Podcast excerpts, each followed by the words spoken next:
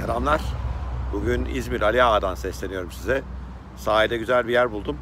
Karşıma deniz manzarası. Onu size gösteremiyorum şu anda. Güzel bir duvar buldum. Yaslandım. Oradan size ulaşmak istedim. Ya bugünkü e, podcast'imin konusu biraz kişisel. E, biliyorsunuz ben Tesla hakkında, Elon Musk hakkında, e, Elon Musk'ın diğer girişimleri, SpaceX hakkında, e, Neuralink hakkında bolca paylaşımda bulunuyorum ve pek çok insan bana ya sen ne kadar fanatiksin, niye bu Elon Musk'ın bu kadar fanatiksin diye soruyor. Ben de bugün bu soruya cevap getirmek istiyorum. Efendim neden Elon Musk'ın fanatiği olduğumu, neden onun işletmelerini çok büyük merakla izlediğimi tane tane anlatmak istiyorum. Şimdi birincisi bugün bir eve girseniz, bir iş yerine girseniz, ekranları çıkarsanız oradan yani bilgisayarlar, tabletler, işte televizyonlar vesaireleri çıkarsanız gerisine baktığınızda 1970'lere, 1980'lere girdiğinizden çok da farklı bir yere girmiş oluyorsunuz. Hiç de değil. Bugün yollara çıktığınızda, etrafınızdaki arabalara baktığınızda, ulaşım şeklimize baktığımızda, enerji üretme, tüketme şeklimize baktığımızda 70'lerden 80'lerden farklı bir şey mi görüyorsunuz? Hiç de görmüyorsunuz. Elbette modada bir takım değişimler var, o doğru. Ama onun dışında temel olarak aslında dünya pek de iyi bir yere gitmedi. Pek gelişmedi. Olan bütün gelişme şu önünüzdeki ekranlarda oldu, dijitalde oldu, e, ne, şeylerin dünyasında oldu, bitslerin, byte'ların dünyasında oldu. Ama fiziksel dünyada hakikaten hiç büyük bir değişim yaşanmadı.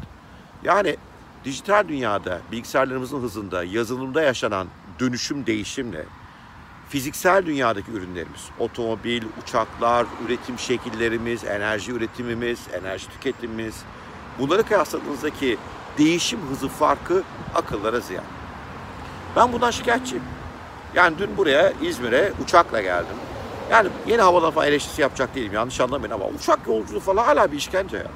Yani bir şeyin devasa bir kütlenin korkunç etrafı kirleten bir kütlenin yerden kalkmak için o devasa pistlere ihtiyaç duyması, yere inişin ayrı bir tören olması. Yani son derece ilkel ya. Bir düşecek olursanız aslında bunun e, son 60-70 yıldır da hiç değişmediğini de görürsünüz. Evet uçaklar belki biraz daha güzelleşti, havalanları da belki biraz daha modernleşti ama 60-70 yıldır aynı terane.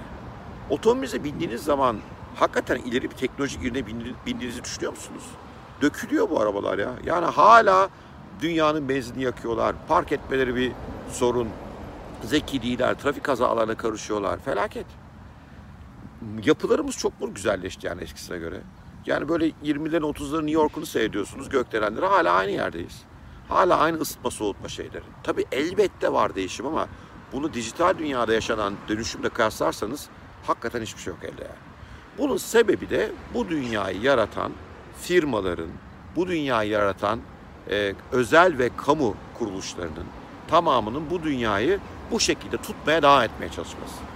Otomobilciler böyle otomobiller üretmek istiyorlar hala. İnşaatçılar böyle inşaatlar yapmak istiyorlar. Havayolu şirketleri, uçak şirketleri hala böyle şeyler yapmak istiyorlar. Çünkü dönüşmek istemiyorlar, memnunlar hallerinden. Ben bu dünyanın daha iyiye gitmesini gerektiğini düşünüyorum. 1960-1970'ten beri dijitalde yaşanan dönüşümün onda birinin fiziksel dünyada da olmasını istiyorum. Yani uçan arabalarımız olmadı, kabul, anlıyorum. Uçaklarımız hala böyle ilkel aletler ama bu mudur yani ulaşabileceğimiz yer? Çok daha iyi bir yere gidemez miyiz? Benim konum bu. Peki bunu kim yapmaya çalışıyor? Yani bir avuç insan var ya bunu yapmaya çalışan. Bunların da en benim gözümde sempatiyi, en e, gerçekten e, dünyayı seveni, insanı seveni Elon Musk. İyi yönleri var, kötü yönleri var, güvenilir yönleri var, güvenilmez yönleri var. Yatırımcısı da bazen üzer. Doğru, bunlar hepsi doğru da. Ya adama bir bakmanızı istiyorum. Birincisi 100 yıldır hiç değişmemiş otomobil sektörüne kökten saldırdı. Başarılı gidiyor mu? Çok başarılı gidiyor. İşi zor mu? Hala çok zor. Zor olmasının bir sebebi sektörün mevcut oyuncularının yani otomobil üreticileri ve e, işte petrol endüstrisinin direnci. İkinci direnci de sizlerden geliyor. Yani bir sürü okuyucum Tesla ile ilgili ne paylaşsam e, eleştiriyor ediyor. Hayretler içerisindeyim ya. Bu adam bu işi başarırsa dünya bu içten yanmalı motor belasından kurtulacak. Elektrik üretiminde de güneşten yararlanmayı becerirsek adamın bu konuda da girişimi var. İşte bu solar işini yapıyor biliyorsunuz.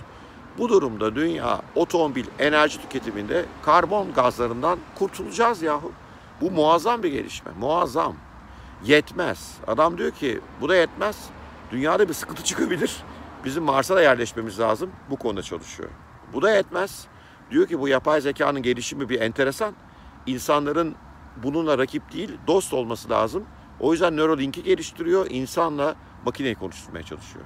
Ya bir adamı sevmek için daha ne yapabiliriz ya? 60-70 yıldır uyuyan, hatta belki daha uzun zamandır uyuyan uzay endüstrisini canlandı adam ya.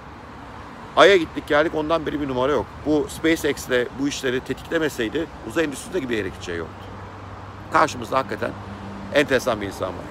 Bu adamın bütün söyledikleri yalan çıkarsa o zaman karşımızda devasa bir jet Fadıl vakası var diyebiliriz. İhtimal var mı? Var tabii. Neden ne olmasın?